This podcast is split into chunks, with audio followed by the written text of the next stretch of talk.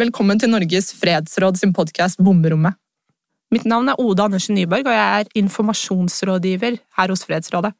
Først litt historisk kontekst. På det meste eksisterte det 70 000 atomvåpen i verden under den kalde krigen.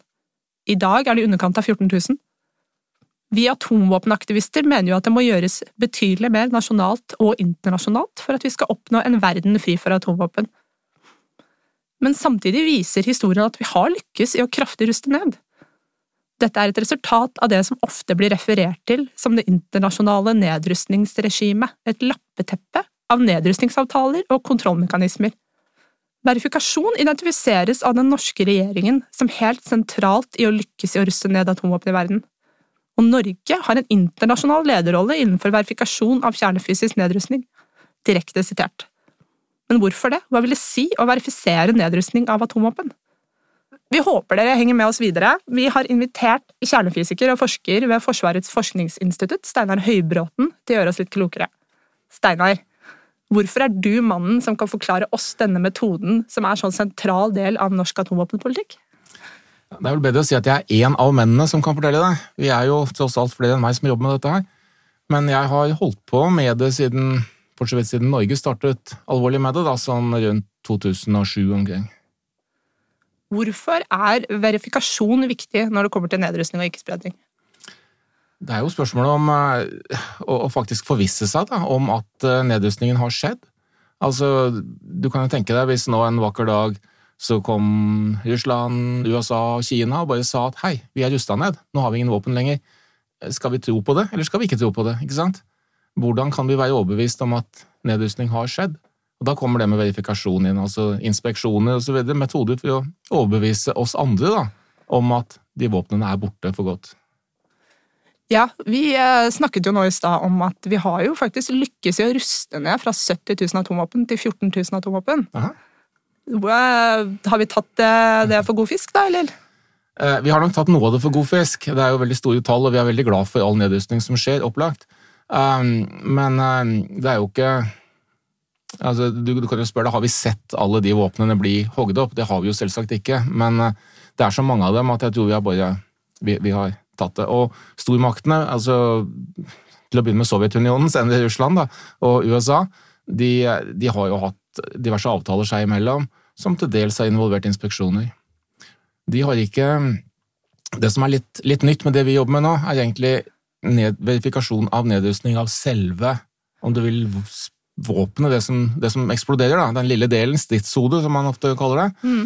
uh, det er jo ikke så veldig stort. Altså, det uh, de ofte har gjort i gamle, tidligere avtaler, har vært å se på hele missiler osv. Det kan du se fra satellitt om en silo er ødelagt osv. Hvor mange missiler er det til stede i Russland eller i USA og sånt. Det klarte de å, å verifisere, rett og slett ved å se på bildene fra satellittene sine.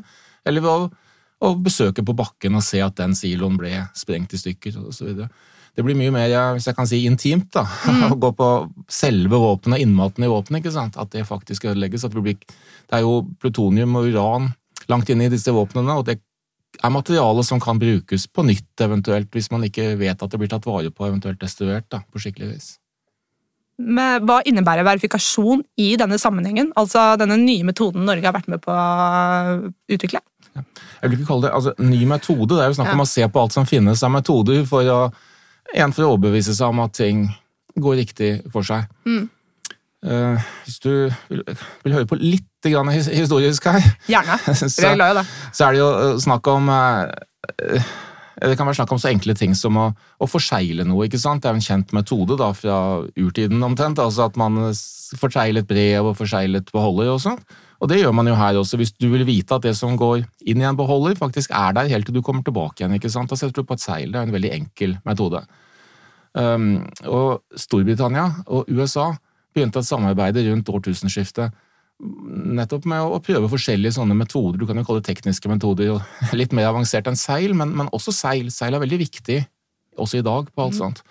Um, så, men de skaffet seg en del erfaringer. Det er jo to kjernevåpenstater. Og det er to kjernevåpenstater som samarbeider ganske nært, slik at de, de, var ikke redde for å røpe hemmeligheter for hverandre. Så de mm. kunne øve seg, kan du si, ganske nært. Eh, så var det da Storbritannia som eh, på, vel etter tilsynskonferansen på, for ikkespredningsavtalen i 2005.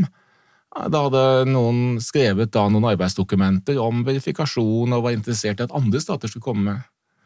Og vi kan vel si at det er litt snakk om å være rett person på rett sted til rett tid, og litt sånt, men da var det også noen fra Norge som snakket med noen fra Storbritannia i mm. tiden etter det, og, og kom i dialog om slikt arbeid. Um, så vi møtte med britene, da, en del av oss, i 2006, tror jeg, først, eller ja, første gang. Uh, eller samtalene begynte da, for å si det sånn. Uh, og etter hvert, da, gjennom 2007, så fant man ut at ja, vi kan faktisk prøve å få til et samarbeid på verifikasjon. Og det er jo da teknisk samarbeid, ikke sant, altså, mm. hvor, hvor laboratoriemennesker i Norge og laboratoriemennesker i Storbritannia skulle da samarbeide om, om metoder, om du vil, da, for hvordan man kan uh, verifisere nedrustning av kjernevåpen. Det er det første internasjonale tekniske samarbeidet mm. om kjernevåpen mellom en kjernevåpenstat og en ikke-kjernevåpenstat. Men var det fordi Storbritannia og USA så at det var nødvendig å få inn stater som ikke har kjernevåpen? Det var jo opplagt i hvert fall Storbrit noe Storbritannia så. Ja. Uh, altså USA har jo nå i senere år kommet med ganske aktivt selv, mm. men uh, lenge var det Storbritannia som virkelig var forkjemperen blant kjernevåpenstatene på det området her. Og jeg må jo si de har vært veldig flinke. Jeg, vi har, mange avtaler har jo gått dukken etter hvert, eller har utløpt, rett og slett gått ut på dato. Men vi har ikkespredningsavtalen, mm. som da eh, nesten alle land i verden har undertegnet på, og hvor kjernevåpenstatene lover ikke å dele sine hemmeligheter med oss, nærmest ikke hjelpe oss andre da, å skaffe kjernevåpen, mm. og hvor vi andre lover at vi skal uh, være snille og si, ikke motta hjelp eller ikke utvikle våpen selv. Og den avtalen, som er veldig viktig, legger da hindringer i veien for verifikasjon, fordi det er jo opplagt hvis jeg fikk stå over skulderen på en, la oss si en amerikaner som skrudde fra hverandre et kjernevåpen, så ville jo jeg se hvordan det er inne, jeg ville mm. se hvilke deler det er, jeg ville se hvordan det var bygd opp, og så kunne jeg jo gå hjem og lage et selv kanskje etterpå. Så vi kan ikke det er, ikke, det er ikke så lett å verifisere som det høres ut for, da, for å si det sånn. Nei. Du må finne indirekte metoder hvor de atomhemmelighetene ikke røpes til inspektørene, samtidig som inspektørene får se så mye at de er overbevist om at våpenet faktisk er ødelagt. Ja, Steinar, nå har du jo snakket litt om det, da, men hvordan, vil, altså, hvordan foregår verifikasjon i praksis? Ja, øh, det kan foregå opp på veldig mange måter. Er jo, det er jo stadig øh, si, eksperimentelt, dette her. ikke sant? Mm. Vi har jo ikke hatt noen nedrustningsavtale som faktisk har latt ikke-kjernevåpenstater få komme og inspisere, så det er jo snakk om å teste ut forskjellige måter å gjøre det på, som kan da være slik at kjernevåpenstatene føler seg trygge på sine hemmeligheter, og vi andre føler oss trygge på at vi får se nok. Så vi, vi har jo da prøvd, eh, skal vi se uh, Forskjellige måter å gjøre det på. Uh, du må jo i utgangspunktet da vite at La oss si du har, er, står et sted hvor, utenfor et anlegg hvor du skal demontere et kjernevåpen. Mm. Så må du jo da først være sikker på at det som går inn døra, som da vil det være en container med et våpen i, sannsynligvis. Mm. At det som da kommer ut igjen i diverse kasser og bokser i den andre enden, etter at alt arbeidet er gjort, at det faktisk er det samme som det som gikk inn. Mm. At det er alt det som gikk inn, og ikke noe mer enn det som gikk inn, for så vidt også, ja, ikke sant? Ikke sant? Og, og, da kommer du altså inn på det her med å for eksempel gå inn i rommene før de begynner arbeidet, sjekke om det er det virkelig tomt her, er det noe sted du kan gjemme ting? Du har forseglet konteinere osv. Det du kan forsegle, i hvert fall, så du vet at folk ikke klår på, på ting som de altså, Nå må de jo klå på det våpenet de tar fra hverandre, men, ja. men, du prøver å passe på prosessen hele tiden. Um, og så er det jo utviklet uh, si, man, Mange har jobbet med teknisk utstyr også for dette her. Det er et begrep som heter informasjonsbarriere. Okay. det høres jo litt skummelt ut, men uh, det er altså en, en, noe som skal hindre informasjon i å, ja, å nå ut, da, å komme ut. Uh, det vil jo da typisk være si, Noe vi gjorde tidlig med Storbritannia, var å, å bygge en boks som var slik at den skulle kunne måle på det radioaktive materialet som lå inne i en container, mm. og, og si at og fortelle oss da med et grønt eller rødt lys bare om det var våpenmaterialer eller andre materialer. Da fikk vi ikke vite detaljene i hva som var der, men vi fikk vite ja, det er, det er våpenmateriale, eller nei, det er ikke det. Det burde være en informasjonsbarriere som altså hindret detaljer som kunne lære oss å bygge våpen Mm. fra å komme til oss, mens vi fikk den bekreftelsen vi da ventet på, at i den konteineren er det våpen. du. Så diverse, du kan si sånne, sånne ting, det er jo en, eh, måte da å, å verifisere ting på, eller følge prosessen på, egentlig. Um, det er jo egentlig en, en veldig svær prosess å ruste ned. Mm. Man, man kan liksom tenke seg at ja, ok, nå har vi en avtale om nedrustning, så da bare knipser vi fingra, og så er våpnene borte. Og det er det jo ikke. Altså, det tar jo dager og uker nær sagt bare å, å kvitte seg med ett våpen. Det er en Mm. stor prosess. Så hvis du skal ha med et kobbel med inspektører i tillegg som skal gjennom dette her, så, så er, det, er det veldig omfattende. Men vil, er det et mål at Norge skal ha en rolle når, eh, hvis eh, altså, denne metoden blir tatt i bruk i praksis? Vil det være den, den, altså den staten som ikke er kjernevåpenstat, da? Altså det er jo, Norge har jo tatt, vært veldig interessert i dette. Vi har vært en slags pioner på mange måter blant ikke-kjernevåpenstatene. Mm. Og jeg håper jo at Norge vil være med den, den dagen det her måtte bli virkelighet, for all del. Mm. Eh, Det har jo etter hvert blitt eh, mange andre stater også som har vist interesse større og mindre grad, og har bidratt på, på sitt vis. Mm. Eh, Vårt opprinnelige samarbeid med Storbritannia har jo blitt utvidet eh, til noe som heter The Quad, fordi det er fire stater som samarbeider. Og Der, der er det altså Sverige og USA kommet med i tillegg, så Mm. vi er to ikke-kjernevåpenstater og to kjernevåpenstater. Og vi hadde jo da en, en stor øvelse i Storbritannia for et par år siden, da, på en, en tidligere flybase hvor det var lagringsanlegg for kjernevåpen og sånt i, i sin tid. Mm. Og, og da kunne øve oss på en veldig naturtro, på en ekte scene, om du vil, Mm. i verifikasjonsteknikker, da. Og det var jo veldig spennende og lærerikt. Ja, det tror jeg på. Men øh, hvordan, eh, da lærer, hvordan forhindrer dere feil? Ja, det er jo mye av det, hvordan lærer dere av deres feil når det kommer til disse tingene?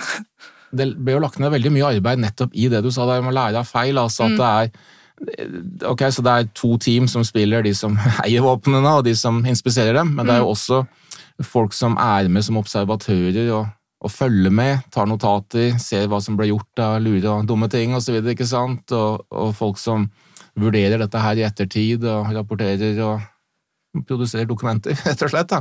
Så, så det blir jo analysert ganske godt, hvilke Mm. erfaringer vi da trekker av dette her. Og, vi ser jo at noen ting er, jeg vil si at det viktigste, Den viktigste erfaringen som vi kunne trekke etter noen få år sammen med Storbritannia, var nettopp at det er mulig for ikke-kjernevåpenstater å delta i dette arbeidet. Altså, Land som Norge kan være med på verifikasjon uten at kjernevåpenteknologi spres til ikke-kjernevåpenstater. Ja. Det er veldig viktig. Er det da et mål å finne noen aktører som holdt, holdt på å si begge Hvis vi skal ta Russland og USA da, som Ja. eksempel, som mm. begge land stoler på, mm. som er tilnærmet nøytrale, og som kan bli invitert inn til begge land? Som denne tredjeparten, da? Ja, du behøver jo ikke Jeg ser vel for meg at den som skal inspisere i stor skala, Mm. er kanskje ikke ett land som kommer med teaminspektører, team inspektører, men kanskje Nei. en internasjonal organisasjon, eksempel. Ja. Altså, Sånn som sånn som, altså på kjernekraftsiden så har man jo internasjonale atomenergibyrået, Mm. Og man kan jo tenke seg en tilsvarende sak. Man kan kanskje tenke seg at det er koblet til IAEA også, for den saks skyld. Det er jo med hva som egner seg politisk og praktisk. Men, men at det blir ikke én stat, tror jeg. Det, det må nok bli et team, og da er det jo noen stoler kanskje på den ene parten og noen på den andre, og noen liker ingen av dem. Men, Ja, men forhåpentligvis er de da totalt sett ganske påpasselige. Ja. Et spørsmål er jo er det teknisk komplisert, og det er jo, det er jo veldig tydelig at det er veldig teknisk komplisert. Det, det er jo praktisk sett ganske komplisert i hvert fall. Sånn logistikken, altså hvordan skal man gjøre det, kan fort balle på seg veldig. Ja, ikke sant? Alltingen tar tid. Alle, alle operasjoner tar mye lengre tid enn du tror det skal. ehm, det ene er at du bruker en del teknisk måleutstyr der du, der du slipper til med det. Det kan være komplisert i seg selv. Men så er det også alle hindringene. altså du, du vil jo gjerne befinne deg da på et område som er sensitivt for den våpeneiende staten, om du vil. Det er kanskje på et av deres kjernevåpenanlegg og, og sånt. og Det er ikke bare å slippe løs en gjeng utlendinger og si nei, titt, se hva dere finner. Så, så altså, det der med at folk må følges, det er steder de ikke kan gå, det er alltid noen som må passe på, ikke sant, og, Mm. og, og sånt. Det gjør det jo veldig komplisert for den som eier anlegget, og, og- det forsinker jo alt mulig rart, fordi man må være så forsiktig, og det må liksom hele tiden Ja, ingenting må skje fort, da. Mm. Um, så, og en annen sak er jo at et sted, et kjernevåpen inneholder jo radioaktive materialer, altså som uran og plutonium.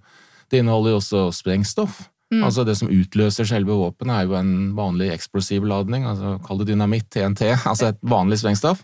Så det er ganske farlig, farlig anlegg. Det, det er anlegg som inneholder masse skumle ting.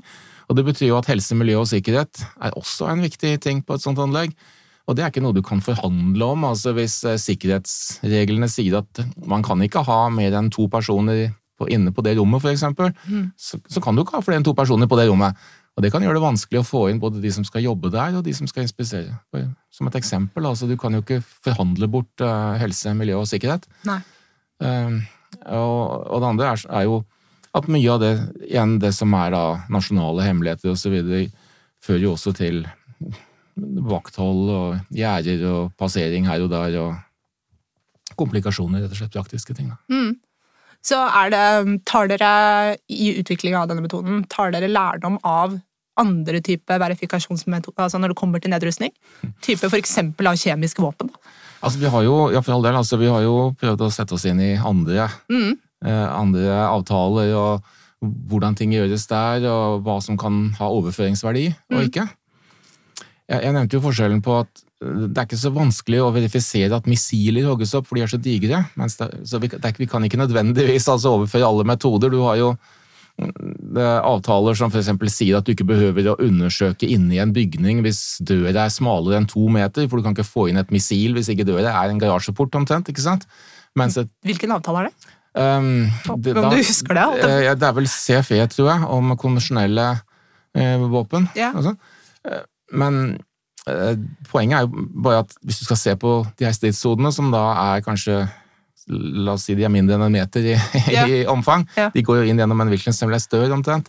Så du kan plutselig, plutselig så må du granske mange flere bygninger. Ja. Ah, Det er mye lettere hjemme unna. og sånt da. Ja, ja.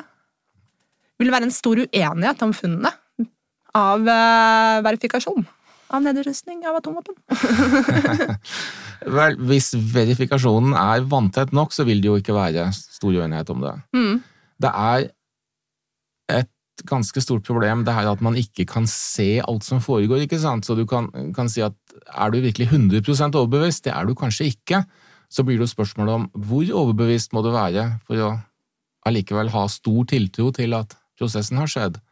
Det her har også vært eh, studert vi, da med spesielt Kings College London, og så Fulgte litt av arbeidet vårt og, for å se på dette her, hvor, hvordan bygger man tillit da, Mm. i sånne saker. Eh, Noen skritt der kan jo være å gi inspektørene tilgang til historisk dokumentasjon, hva, hva har foregått tidligere, hvordan har disse anleggene vært brukt, hvordan har våpnene vært utplassert osv. Ting som ikke nødvendigvis er akkurat verifikasjon av opphogging, men som kan bygge troverdighet i den historien som de forteller deg, og som gjør det mer sannsynlig da, at, at det her hogges opp. Og så har vi igjen det her med forseglinger og måleinstrument, bruk av måleinstrumenter, og sånn som gir deg biter av informasjon gjennom hele prosessen. Og alt det må jo henge sammen. Og, en, en, og du vil jo også Nå har vi snakket om hvordan måler man på et, et Ja. våpen som hugges opp eller demonteres, men du kan jo også gjøre det motsatte. Altså når de sier at det vi skal, eh, liksom alle våpnene våre er i det huset der borte, Mm. det kan, så kanskje du vil si at ok, da går jeg og måler i alle de andre husene for å se at det ikke er våpen der, ikke sant? Det er Mm. også en del av verifikasjonsarbeidet. Ja. Å være sikker på at du har hele historien, og at du ikke har gjemt noe. Og det er jo da en litt annen tilnærming til det igjen. Men altså mange sånne forskjellige ting, da. Og gjerne bygd opp gjennom Det tar jo mange år å ruste ned, som vi var inne på tidligere. altså Det, det, er, det ikke fort gjort. Nei. Så du vil jo komme tilbake, du ser på Du verifiserer litt en prosess, og så er du kanskje tilbake tre ganger i året gjennom flere år. Og da vil du jo etter hvert også bygge troverdighet, ikke sant? Altså du får se at ting henger på greip, det er sammenheng mellom det de sier og det de gjør, og det du måler og observerer. Så, så tillit er jo sånn som bygges over tid. Så hvis man hadde satt i gang en prosess med verifikasjon av nedrustning mm. eh, Tillit til at det vil ta tid, det skjønner jeg. Men hvis, hvor lang tid vil det ta å sette i gang hvis man skal eksempel ruste ned 100 atomvåpen? da? Det burde du kanskje spørre en kjernevåpenstat om, egentlig, men Ja. jeg, har jo, jeg har jo inntrykk av at, at tiden det ville ta å demontere et våpen, da snakker vi vel om dager, Ja. ikke sant? Ikke, ikke uker nødvendigvis, men dager. Nei. Så ganger du da det opp med 100, så får du jo fort et par år, da. Ja, ikke sant? Ja. Eh, er Iran-avtalen eh, et eksempel på vellykket nedrustning? Altså, i, det er jo ikke påvist at Iran har kjernevåpen, Nei. så vi kan vel ikke kalle det nedrustning.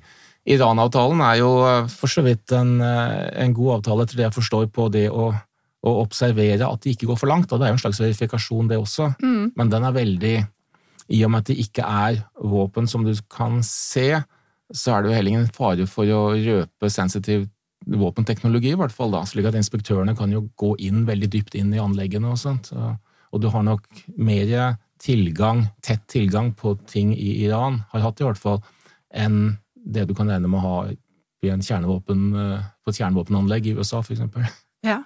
Eh, ja, ikke sant? Hvis man lykkes, eller hvis man tenker da at man si, eksempel tilnærmer seg Storbritannia, og de kvitter seg med alle atom, eller kjernevåpnene sine. Mm. Hvor lang tid ville det eventuelt tatt for dem å begynne å ruste opp igjen?